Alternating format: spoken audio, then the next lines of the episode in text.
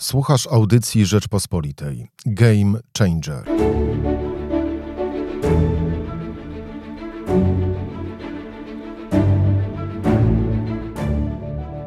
Co dalej ze Zjednoczoną Prawicą? Czy nowa umowa koalicyjna zamyka spory? Co oznacza wejście do rządu Jarosława Kaczyńskiego? O tym wszystkim e, będę rozmawiał z człowiekiem, który Prawo i Sprawiedliwość zna bardzo dobrze. Na program zaprasza Michał Kolanko.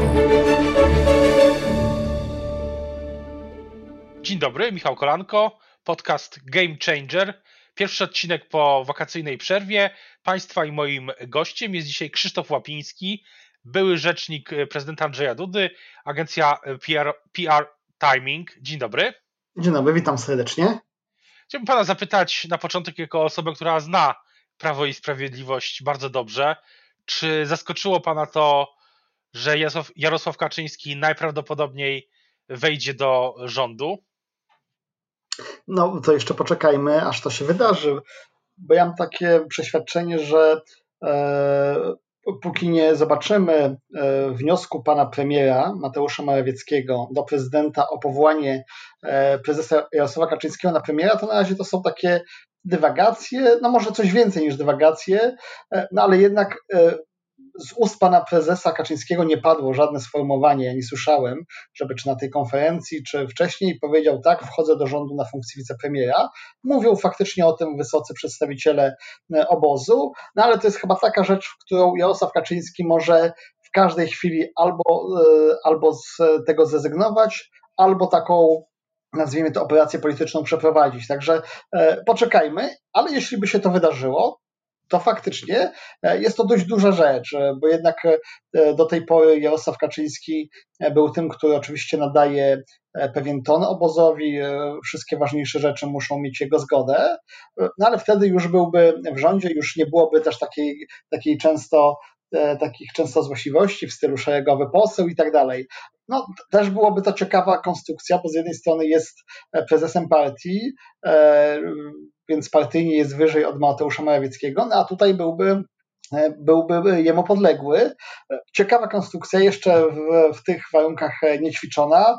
Jak to by wyglądało? Czy rząd wtedy byłby jakby jeszcze sprawniejszy, skuteczniejszy? No bo wszystkie decyzje, które rząd podejmował, byłyby od razu miały też taką, no, nazwijmy to, zgodę lidera obozu. Pewnie, pewnie każdy może znaleźć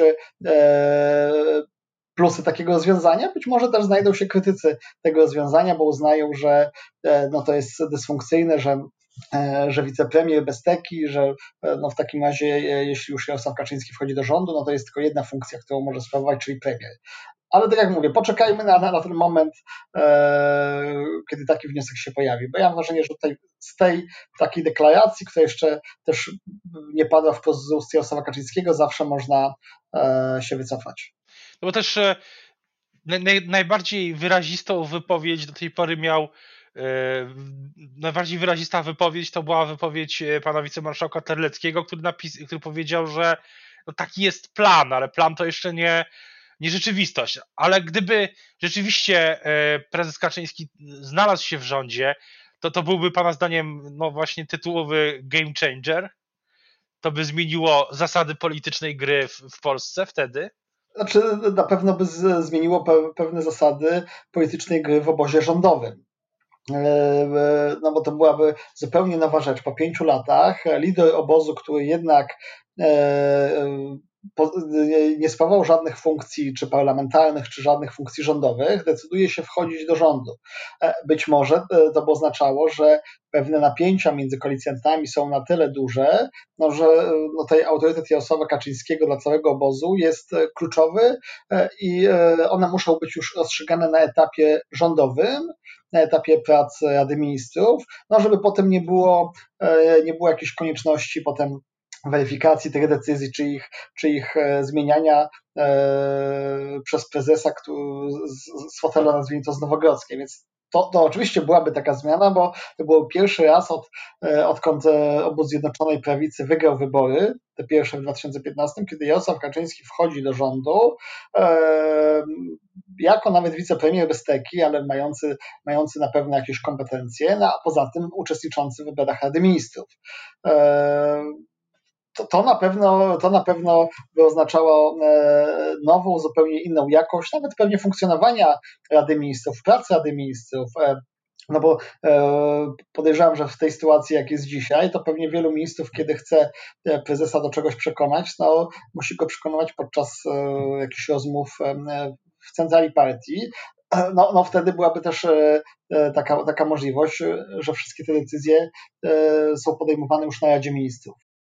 Ale też wydaje mi się, że samo pojawienie się tego tematu jednak o tyle zaskoczyło wielu komentatorów, wiele osób, chyba też nawet takie mam wrażenie w obozie rządzącym, że jednak, jednak nie było.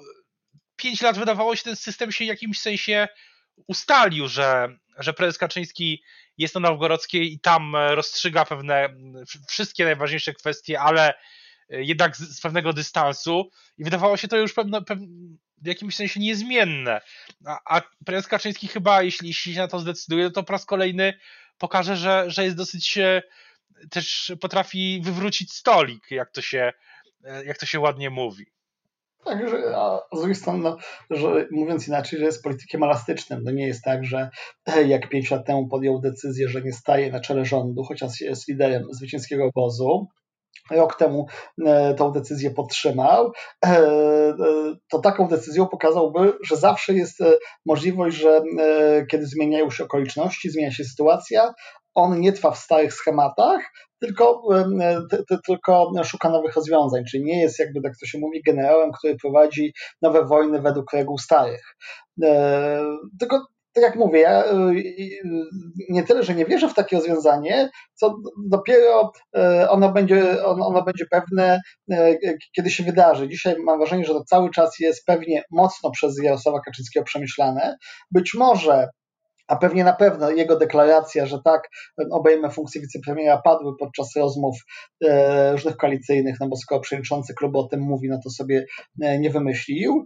Natomiast mam wrażenie, że to jest taka deklaracja, z której Jarosław Kaczyński może e, się wycofać, nie burząc w żaden sposób osiągniętego porozumienia z innymi koalicjantami bo ta deklaracja to nie dotyczy nie wiem, odebrania kolejnego ministerstwa czy jakiegoś podsekretarza stanu, ona nie wpływa tak bezpośrednio na E, na koalicjantów, w tym sensie, że oni nie, nie mogą powiedzieć, no tak, obiecaliście nam e, e, dwóch podsekretarzy, a i dwóch zabieracie, nie? Więc w tym sensie Jasław Kaczyński jest tutaj no, no, panem sytuacji, że, że jak uzna, że jednak, że jednak ta, jego wejście do rządu niczego nie zmieni, czy, czy nie jest potrzebne, to może, to może się z tego wycofać, a jeśli wejdzie, no to faktycznie jest to taki, bym powiedział, na długo oczekiwany game changer w polskiej polityce.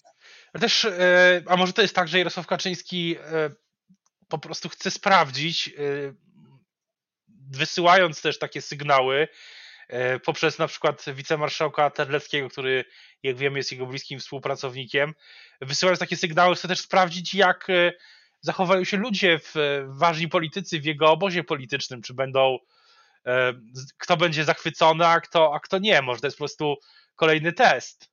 No, I na tym etapie e, to też byłoby takie rozwiązanie, którym Jarosław Kaczyński w żaden sposób nie traci. A tak jak Pan mówi, e, może też jakby zobaczyć, jak w takich sytuacjach e, zachowują się koalicjanci, współpracownicy, członkowie rządu, etc., etc. E, no, no, a na pewno temat też jest jakby ciekawy medialnie, bo od kilku dni Jarosław Kaczyński ani razu nie powiedział, że obejmuje taką funkcję, czy zamierza obejmować. Od kilku dni jednak ten temat e, cały czas jest e, w mediach dyskutowany, no już od, od kilku dni, kiedy się pojawił, prawda? Więc to też została narzucona taka no, pewna narracja, że wszyscy, nawet opozycja się musi do tego odnosić komentować, nie wiem, krytykować, no, chwalić to, wśród opozycji to, to, to rzadko, ale, ale temat jest, nie? Tutaj być może zamiast zajmować się innymi sprawami, to proszę bardzo, wszyscy zajmują się tematem, e, czy Jarosław Kaczyński wejdzie do rządu, czy nie wejdzie. to, co wiemy na pewno, to, że w ubiegłym tygodniu podpisano, czy w sobotę, ubiegłą sobotę podpisano umowę koalicyjną. Tam jednym z ważniejszych punktów jest, y, jest zapis, czy deklaracja, tutaj też do końca nie wiem, jak jest skonstruowana, że obecni posłowie, y, europosłowie, radni będą y, mieli gwarantowane miejsca na listach, jak rozumiem, nie gorsze Mówię tu o politykach i Solidarnej Polski i Porozumienia.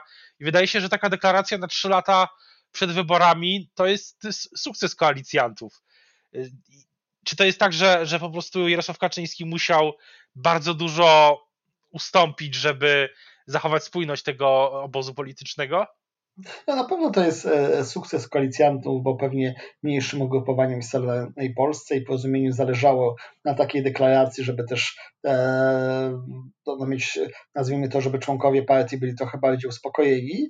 Natomiast no, pamiętajmy, że jeśli e, wybory są za trzy lata w tym konstytucyjnym terminie, to wiele się może zdarzyć i to jest tak, że, że ona, ta deklaracja moim zdaniem dzisiaj obowiązuje, a czy, e, a czy e, zostanie to sfinalizowane w 2023, to dopiero zobaczymy. Mogą nastąpić różnego rodzaju okoliczności polityczne, które na przykład, które na przykład zmienią sytuację. No, przecież też różnie dobrze może okazać się, że któryś z tych ugrupowań uzna, że, że samo startuje. Także na, na, dzień dzisiejszy, na dzisiaj na pewno jest tak, że, że ta deklaracja e, e, jest czymś, na czym zależało mniejszym koalicjantom. Prawo i Sprawiedliwość się do, do tego bardzo nie paliło, więc, więc tutaj ustąpiło. E, no ale czy czy e, na jesieni 2023 roku ta deklaracja zostanie zmaterializowana w postaci e, list wyborczych, to, to ja bym jeszcze tej, tego nie przesądzał. A też wydaje się, że proces tworzenia tych list i ogólnie miejsca na listach, no to jest politycznie zawsze, niezależnie czy to jest od ugrupowania, no to jest coś, co budzi najwięcej emocji, nie, nie ukrywajmy to jest rzecz najbardziej napięta, nawet w ugrupowaniu, które jest, nazwijmy to, które startuje samodzielnie, które nie startuje w koalicji, to też e, jak podzielić e, miejsca na listach w poszczególnych okręgach. E, też wiemy, że no, te miejsca wyżej listy, pierwsze, drugie, trzecie, no, preferują jednak tych, tych kandydatów. Tu się nie rozstrzygają w 100%, ale, ale to, jest taki, to jest taka trochę przewaga więc zawsze one rodzą napięcia, e, jak to ułożyć, żeby, żeby tutaj e, tych, e, nikt nie będzie tak, że wszyscy będą zadowoleni, żeby tych niezadowolonych było jak najmniej, no a jeszcze jeśli dochodzą tutaj pewnego rodzaju oczekiwania ugrupowań koalicyjnych, no to, to, to, to jakby waga tego zadania, czy jego, e, jego, e, jego trudność e, jest podwójna, bo też trzeba wtedy pamiętać o swoich członkach. Tutaj mówię o, o, o członkach na przykład Prawa i Sprawiedliwości. I listy partyjne, tworzenie ich to jest zawsze trudna sprawa, a myślę, że też no, Prawo i Sprawiedliwość tworząc listy wyborcze w 2019 czy Zjednoczona Prawica, kiedy się tworzyły, to Prawo i Sprawiedliwość chyba nie spodziewało się, tak dużego sukcesu swoich mniejszych koalicjantów e, w wyborach, bo e, myślę, że nikt się nie spodziewał wcześniej, że e, jedna partia uzyska około 19 mandatów, druga, jeśli dobrze pamiętam, 18 czyli ponad 35, około, blisko 40, e, kiedy w poprzednich wyborach razem te partie miały kilkanaście. I, i to też pewnie e, e, gdzieś będzie, gdzieś będzie rozpatrywane przy układaniu list, jak wszystko to pogodzić. Z jednej strony oczekiwania koalicjantów, a z drugiej strony to, żeby, no żeby pewnie w, po kolejnych wyborach nie wyszli jeszcze mocniej, mocniejsi, jeśli chodzi o liczbę mandatów. Ale też jeśli chodzi, jeśli chodzi o sam PiS, wydaje się, że sytuacja w samej partii się zmienia. Bo pamiętam e, na początku w 2015-16 e, roku spójność Prawa i Sprawiedliwości była, no, pan też to e, pamięta na pewno, to była bardzo wysoka i nie zdarzało się praktycznie, chyba, chyba nie było na początku, w pierwszych latach takiej sytuacji, że aż 15, 15, 15 parlamentarzystów, parlamentarzystek zagłosuje przeciwko woli prezesa Kaczyńskiego. Co, coś się e, zmienia. No, pamiętam, że na początku nie było chyba przez lata ani jednego głosowania przegranego, no a teraz gdyby nie opozycja, no to głosowanie w sprawie ważnej dla prezesa PiS, czyli e, ustawy o ochronie zwierząt, no PiS też by przegrało. Jak, jak pan to tłumaczy? No, dokładnie, dokładnie po pierwsze moja diagnoza jest zbieżna z, z pańską, bo jak się zdarzały jakieś głosowania, nawet te ważniejsze, to czasami nie wiem, jakaś jedna, dwie, trzy osoby e, zagłosowały inaczej, czasami wręcz to wynikało ze zwykłej pomyłki. Natomiast tutaj no, no, zaskoczeniem także dla mnie jest pewna skala, no bo jeśli na klubie parlamentarnym tuż przed głosowaniem prezes jasno mówi, że na tej ustawie mu zależy, że to jest bardzo ważna ustawa i nawet jest e, wręcz powiedziane, że ci, którzy zagłosują inaczej, no, będą musieli się pożegnać swoimi stanowiskami, to ta liczba 15 posłów jest, jest naprawdę bardzo duża. No i teraz pytanie jest, e, bo zostali szybko zawieszeni, włącznie z ministrem rolnictwa obecnym, e, byłem, byłem ministrem środowiska.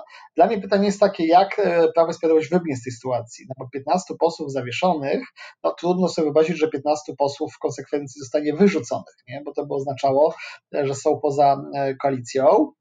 Być może będzie tak. E, rozwiązaniem tego jest to, że no, jeśli ustawa wyjdzie z, e, wróci z Senatu do Sejmu z jakimiś poprawkami, to, to testem dla tych posłów będzie to, czy zagłosują, czy zagłosują zgodnie z wolą klubu podczas ponownych prac sejmowych bo jestem w stanie sobie wyobrazić, że, e, że, że, ci, że to dla tych posłów będzie taka ostatnia szansa, żeby e, w cudzysłowie zrehabilitować się za to pierwsze głosowanie i jeśli w ponownym głosowaniu sejmowym e, po powrocie ustawy z Senatu nie zagłosują zgodnie tutaj z decyzjami klubowymi czy partyjnymi, no, no to być może to w jakiś sposób częściowo się zrehabilitują.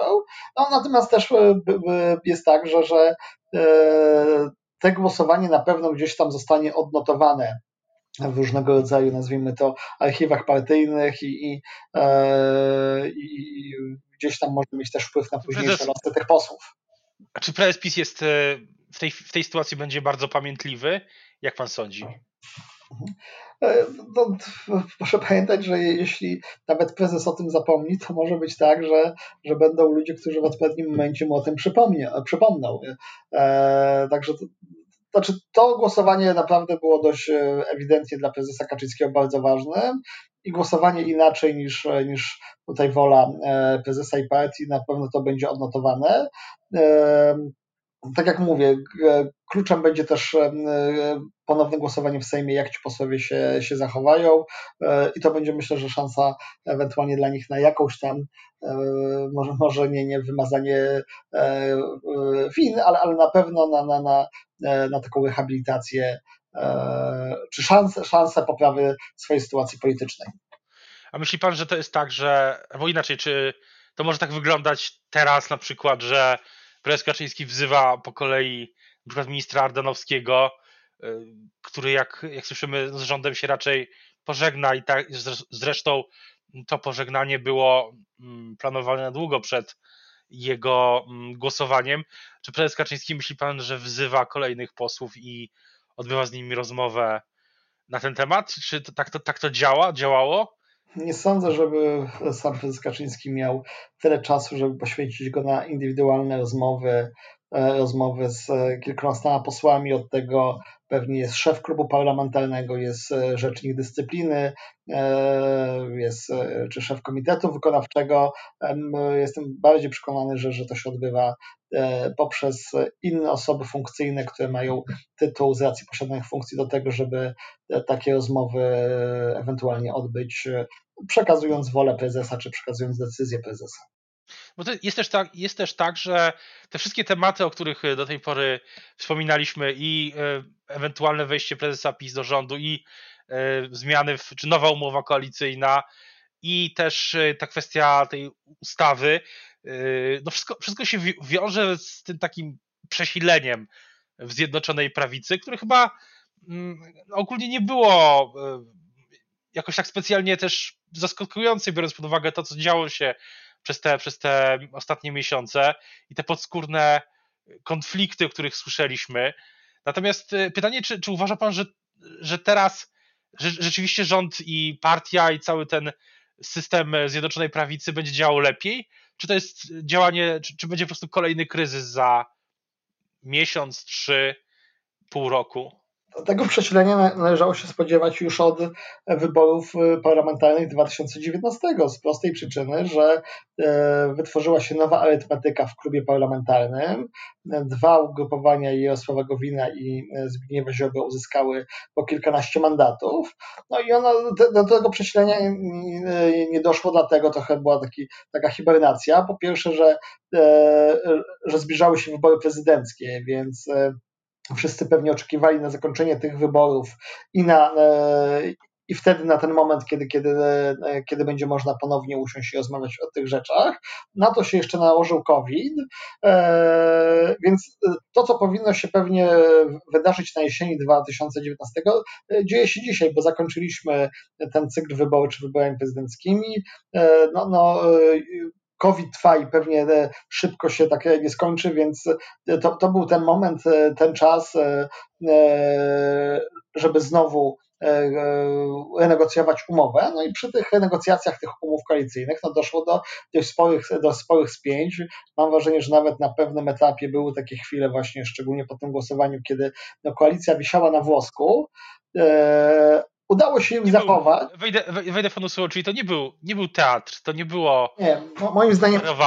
Moim zdaniem emocje, zwłaszcza po tym głosowaniu, kiedy Solidarna Polska w całości zagłosowała przeciw ustawie, e, kiedy te, e, to, to głosowanie, e, emocje z tym związane, głosowanie ważnej ustawy dla prezesa Kaczyńskiego nałożyło się na pewien impas w negocjacjach koalicyjnych i faktycznie to wygląda na to, że, że koalicja wisiała na włosku, natomiast przetrwała na, na tym etapie, ale jednak pamiętajmy, że dzisiaj chyba ja już po wyborach e, to, to, mówiłem, że dzisiaj mamy taką sytuację de facto, której często nie dostrzegamy, bo często mówimy, że rząd Zjednoczonej Prawicy. Ja śmiem twierdzić, że dzisiaj rząd się składa z trzech członów. To jest rząd koalicyjny z jedną partią dominującą z racji tego, że posiada około 200 posłów, czyli Prawie Sprawiedliwością, i dwoma mniejszymi i będziemy obserwowali pewnie taką dynamikę zdarzeń jak w wielu wcześniejszych rządach koalicyjnych, e, tych E, z, z, poprzednich lat.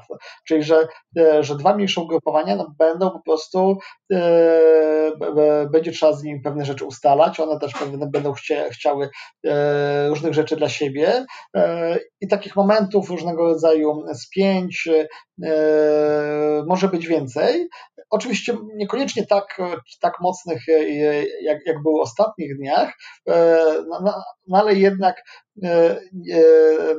Gdyby, gdyby e, e, te trzy partie we wszystkim się zgadzały, stuprocentowo miały taki sam program, to byłyby jedną partią. A skoro tak nie jest, to znaczy, że są też pewne różnice programowe, okej, okay, może nie drastyczne, może niewielkie, ale czasami mogące wpływać na różnego rodzaju czy, czy głosowania, czy różnego rodzaju e, decyzje, a to może rodzić e, pewnego rodzaju perturbacje, niekoniecznie tak, tak głębokie jak teraz, ale, ale jednak e, spodziewałbym się, że tutaj będzie więcej takich zachowań e, e, bliskich sytuacji, kiedy rząd jest, składa się z trzech członów, z koalicji trzech partii. Czyli trzech lat spokoju się pan nie spodziewa, bo ja osobiście myślę, że myślę, że tak nie będzie. No, być, być może jest tak, że dzisiaj e, nakłada, e, patrząc na, na to, jak e, na sytuację opozycji, która, która, nie, która dzisiaj jest gdzieś tam też zajęta swoimi wewnętrznymi sprawami, to de facto no, no, Prawo i Sprawiedliwość czy Zjednoczona Prawica no, no, często, często pewnie Państwo będziecie się zajmować więcej różnego rodzaju sporami czy dyskusjami w łonie samej ugrupowania rządzącego, E, e, niż tym, e, jak, jak to ugrupowanie rządzące, czy jak rząd jest, jest atakowany, czy przedgryzany po, przez opozycję. No, no, chyba, że opozycja jakoś nabierze wiatru w żagle, co na razie się nie zanosi, więc raczej może będzie tak, że więcej newsów, więcej takich emocji państwu, a przede wszystkim państwu dziennikarzom będzie dostarczać to, co się dzieje wewnątrz Zjednoczonej Prawicy. Czyli definitywnie, wydaje się, że definitywnie definitywnie jakiś etap e, się skończył. Takie jest moje, moje wrażenie, na, tak już podsumowując naszą, naszą rozmowę. Myślę, że, że powrotu do sytuacji z pierwszej kadencji, a na pewno y, no już po prostu nie ma. No na pewno wydarzyło się też pewnie wiele, na, czego nie można nie doceniać, na gruncie takich pewnych emocji, wzajemnego zaufania. Pytanie, czy dzisiaj koalicjanci po, po tych rozmowach wychodzą bardziej ufając sobie, czy jednak, czy jednak każdy z nich podpisując to porozumienie i ciesząc się, że, że dalej rząd trwa, jednak e, gdzieś tam w tyle głowy ma obawy, że podobna sytuacja może się powtórzyć. E, ma, ma Pan rację, moim zdaniem, że, e, e, że, że tutaj mamy sytuację znowu, znowu z pewną nową dynamiką i że to oczywiście jest cały czas Zjednoczona Prawica, cały czas ten sam rząd tych partii, no ale już nic nie jest takie samo, jak było wcześniej. O tym, jak, jak będzie dalej, przekonamy się w najbliższych, być może już dniach, a pewnie w ciągu najbliższych kilkunastu dni, bo takie są zapowiedzi, jeśli chodzi o, o nowy, nowy rząd i wtedy, wtedy też okaże się, czy do niego rzeczywiście wejdzie Jarosław Kaczyński. E, teraz e, bardzo już dziękuję za rozmowę Państwa i moim gościem dzisiaj w podcaście Game Changer, w pierwszym podcaście z tego cyklu po mm, krótkiej wakacyjnej przerwie był Krzysztof Łapiński, były rzecznik prezydenta Andrzeja Dudy, teraz e, PR-owiec agencja Timing. Dziękuję bardzo. Dziękuję bardzo, do usłyszenia. To była audycja Rzeczpospolitej Game Changer.